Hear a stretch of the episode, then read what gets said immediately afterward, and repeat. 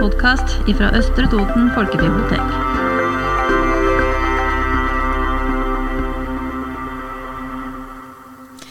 Ja, velkommen til Litterær stund med Toril og Hanne på biblioteket. Eh, vi skal i dag fortelle om eh, fire bøker vi har lest.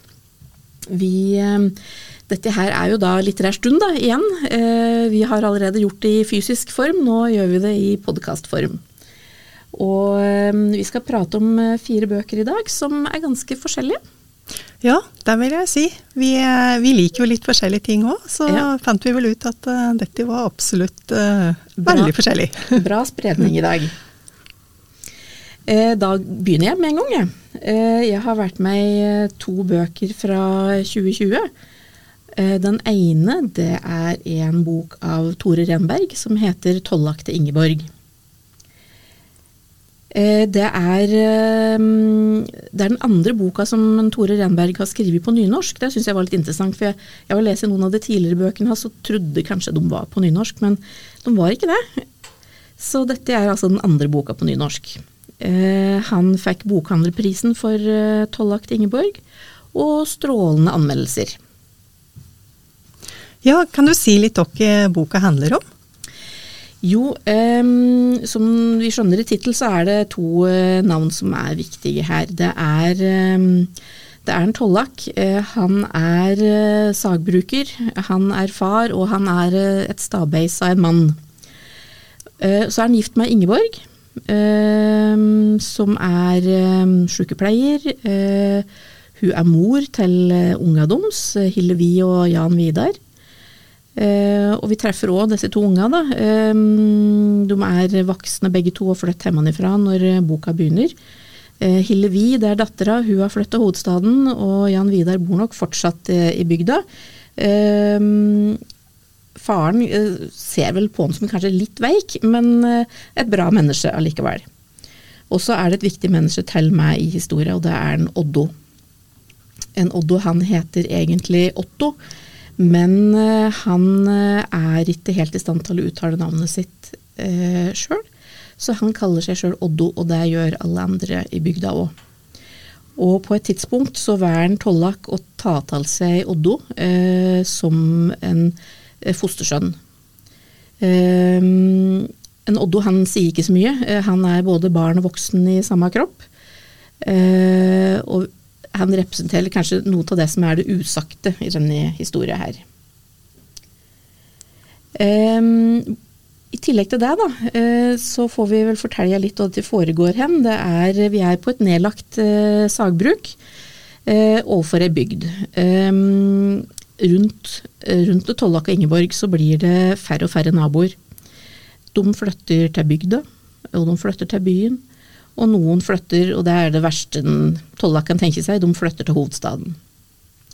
Og til og med Ingeborg har begynt å prate på det, at hun vil flytte ned til bygda. Um, hele boka det er um, et mannsportrett litt utenom det vanlige. Uh, I begynnelsen av boka møter vi um, en tollak som vel er litt på slutten av livet. Vi skjønner at han er ganske sjukvørtig og er en eldre mann Eh, og han er aleine. Og eh, noen har sagt at eh, dette mannsportrettet her, det, ja, der balanserer vold og ømhet hårfint på det rustne sagbladet. Og da er det litt sånn at ømheten den finner vi i kjærligheten mellom Tollak og Ingeborg. De har funnet den store kjærligheten innan, og er veldig glad i han. Samtidig så bor det en voldsomhet i en tollak som kanskje særlig når den er litt yngre, er nok litt vanskelig å, mm, å styre. Um, boka er um, ja, litt sånn thrilleraktig, fordi at uh, på slutten av livet til en tollak her, så har det nok gått ganske mange år der han har levd uten av Ingeborg. Og vi skjønner at på et tidspunkt så har Ingeborg forsvunnet. Så der ligger, liksom, der ligger det én uløst gåte. Eh, det er òg eh, Ja, så det blir et familiedrama. Eh, det er intenst. Det er til tider litt ubehagelig. Ja, Åssen likte du boka, da? Jo, altså jeg vil vel si at det var liksom både, ble både litt opprørt og litt rørt til å lese denne historien. Han blir på en måte både imponert og forferdet over en tollak.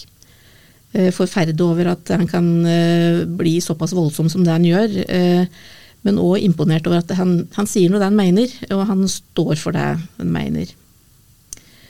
Det er mye brytninger i boka. Det er jo særlig brytninga mellom det gamle og det nye som en tollak sliter med. Han klarer ikke å akseptere at det nye tinga har noen plass eh, hos han, hos familien eller hos bygda i bygda. Men den nye tida kommer jo, og påvirker både han og sagbruket og familien, da. Og så er det mm, godt skrevet, syns jeg. Mm. Fin bok å lese. Ja, spennende mm. å høre om den. Ja. Da eh, var det din tur til å si litt. Ja, og det blir jo en helt annen bok, da. For eh, jeg kan jo begynne med det at jeg har alltid vært dårlig på geografi. Og samtidig så har jeg lyst til å bli flinkere, da. Både på det å kunne hovedsteder og flagg, blant annet. Så for et års tid siden så oppdaga jeg ei bok som heter 'Verdens land' av Gunnar Kaggi. Og boka inneholder alle disse nøkkelopplysningene om verdens land, da, samt en god del historie. Og jeg er glad i historie òg, så det passer meg fint. Eh, men så oppdaga jeg at eh, boka den er jo ikke i salg lenger, og, og jeg skjønner jo det har vært offer det, for den er jo fra 2014, og slik nøkkelinformasjon om ulike land, det blir jo fort utdatert. Så da er det ikke denne boka du skal prate om, da? Eller? Nei, det er ikke det. For det, i dag syns jeg det var litt artig da, å oppdage at det var ei ny bok som hadde kommet som var litt uh, lignende. Og det er en bok som heter 198 land, og er skrevet av Einar Tørnquist. Og det er jo den jeg skal si litt om.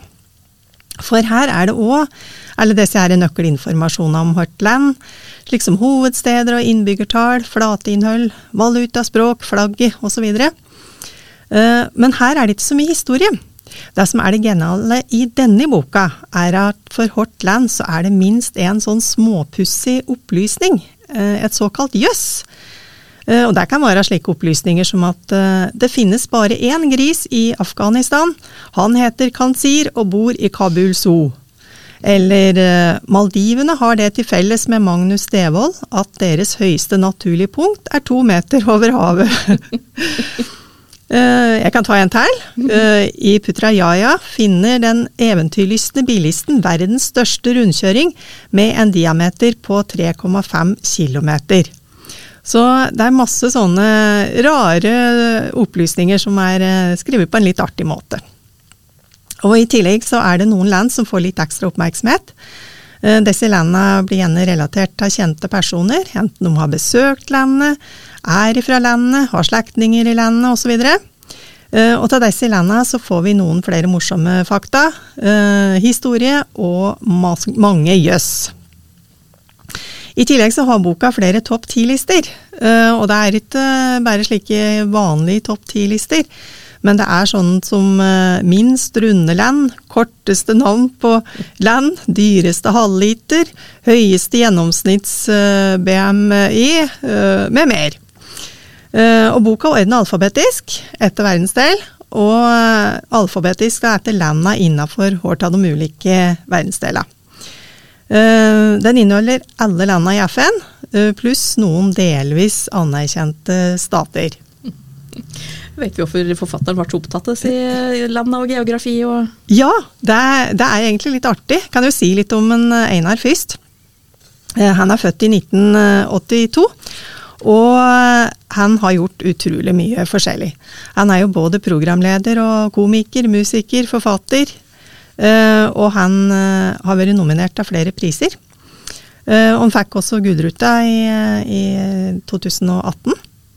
Men ja, hvorfor ble han interessert i geografi? Det begynte egentlig litt uh, artig, for han, uh, han, hadde en studiekamerat som utfordret uh, sine studiekamerater da, til en lek i et friminutt der han eh, briljerte med kunnskaper om hovedsteder.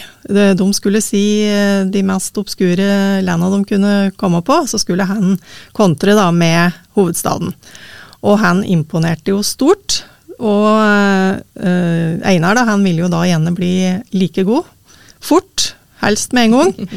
Og satte seg da ned og pugge i to dager. Eh, disse to ble jo da gode venner etter hvert, og besøkte mange land. Og så har det vært i podkast, som også heter 198 land. Og, men så ble det jo da pandemi, da, og, og, i tillegg så har jo Einar vært i pappa, så det var ikke så lett å reise lenger. Så da ble det bok i stedet. Mm. Og der ble da altså denne boka 198 land. Så jeg vil eh, egentlig rett og slett bare si god lesning, for det her er det ei veldig lærerik og, og morosam bok å lese.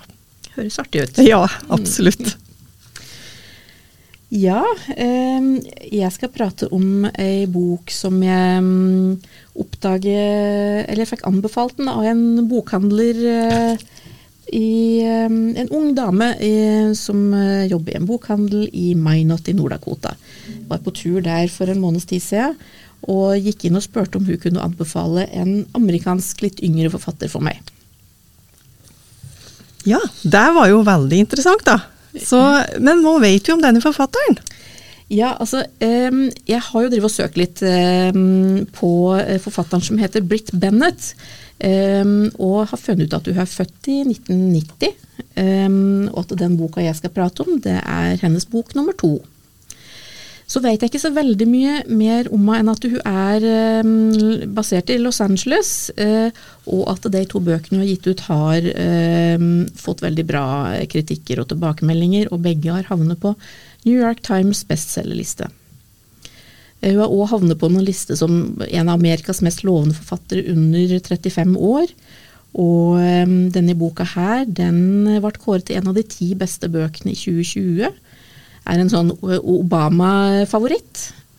Og um, ja, jeg gleder meg litt til å lese, lese, boka, som på engelsk heter den The Vanishing Half. Uh, på norsk uh, har de kalt den Det som forsvinner. Jeg kan jo si litt, eh, litt, mer om hva boka handler om, da. Eh, det er en familiefortelling.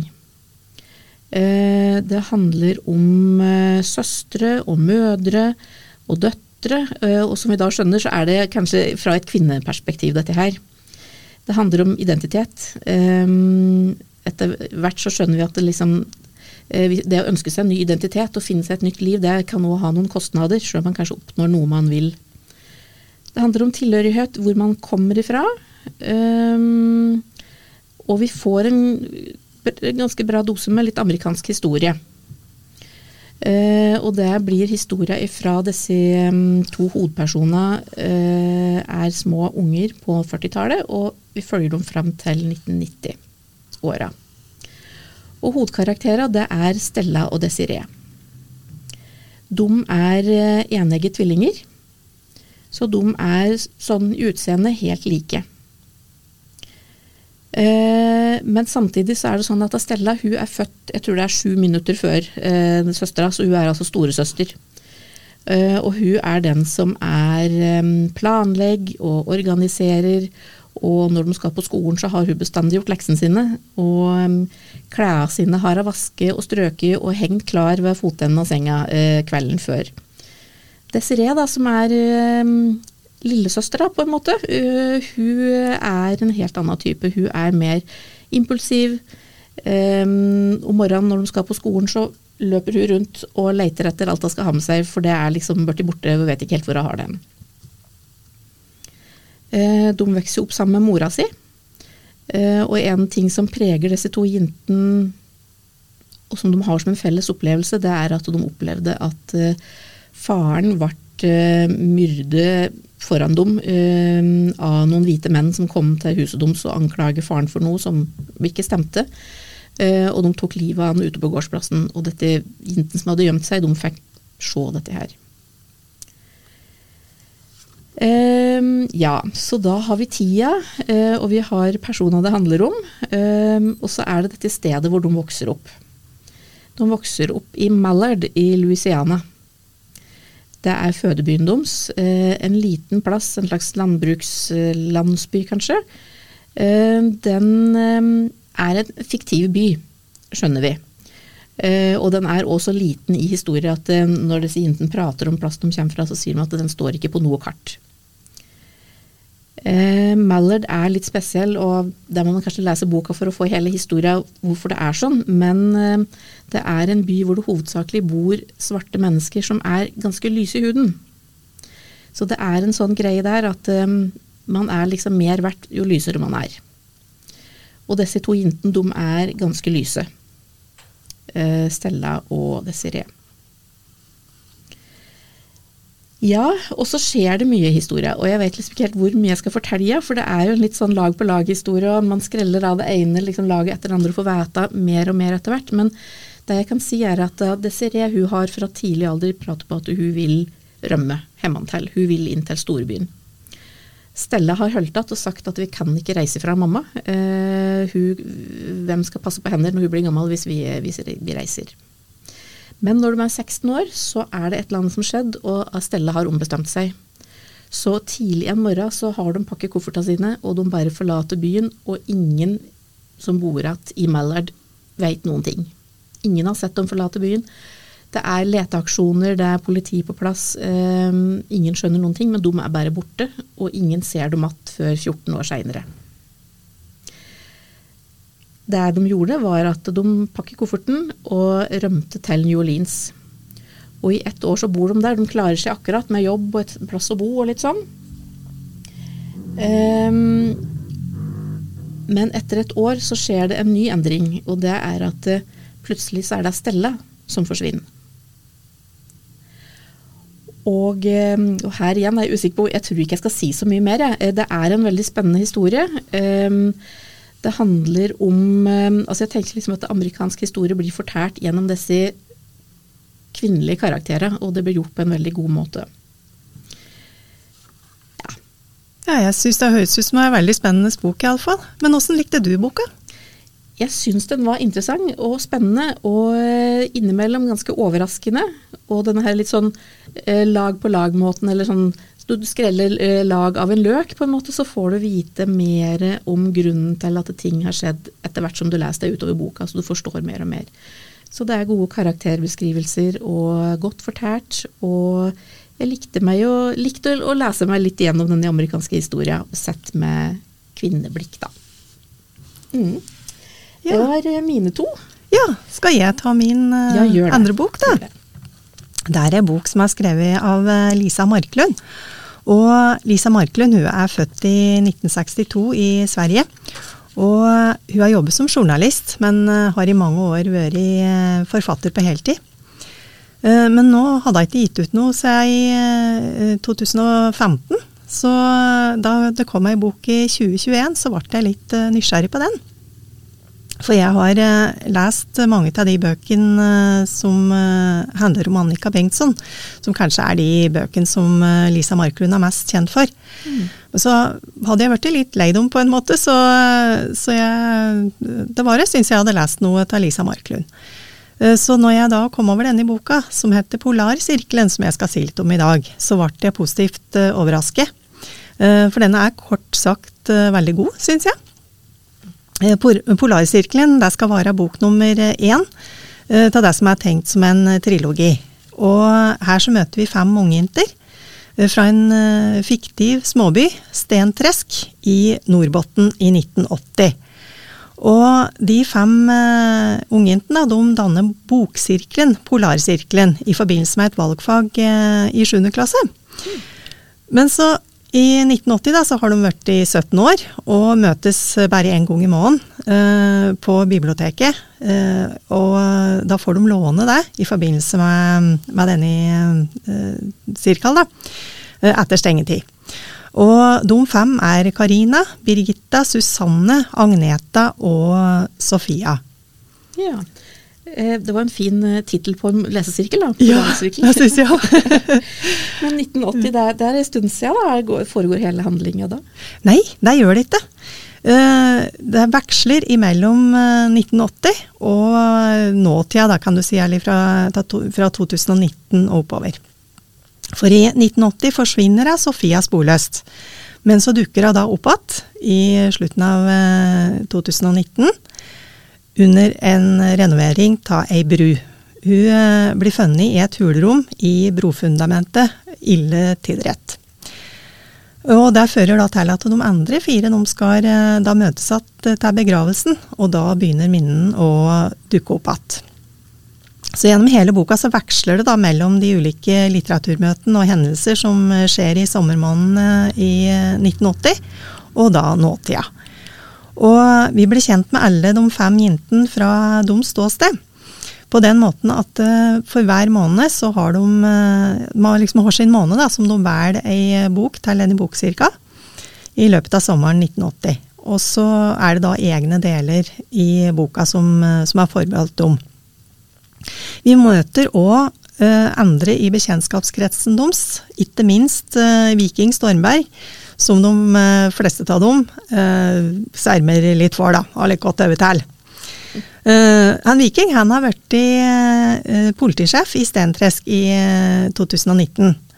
Og det er en jobb som han har arvet etter far sin, som hadde da saken om Sofia i 1980.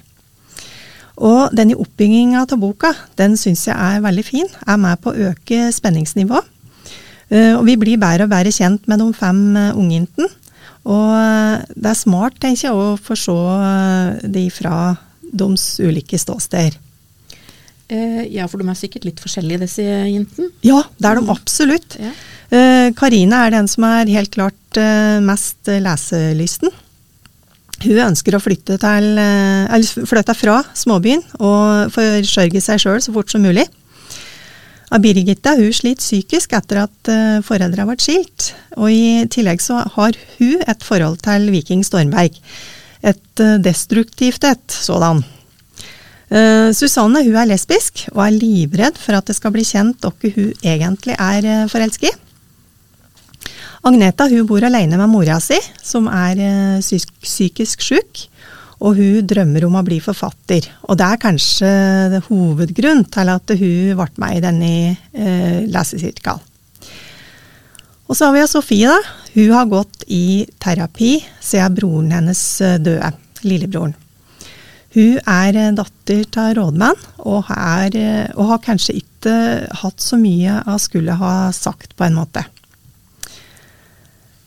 Uh, og så møter vi da de samme i dag, og de er, har sjølsagt forandret seg på disse 40 åra. Og vi kan vel kanskje si at det ikke er så mange av dem som har fått det livet de uh, egentlig ønsker seg. Sånn er det vel kanskje for mange, men, men her kommer det i hvert fall tydelig fram.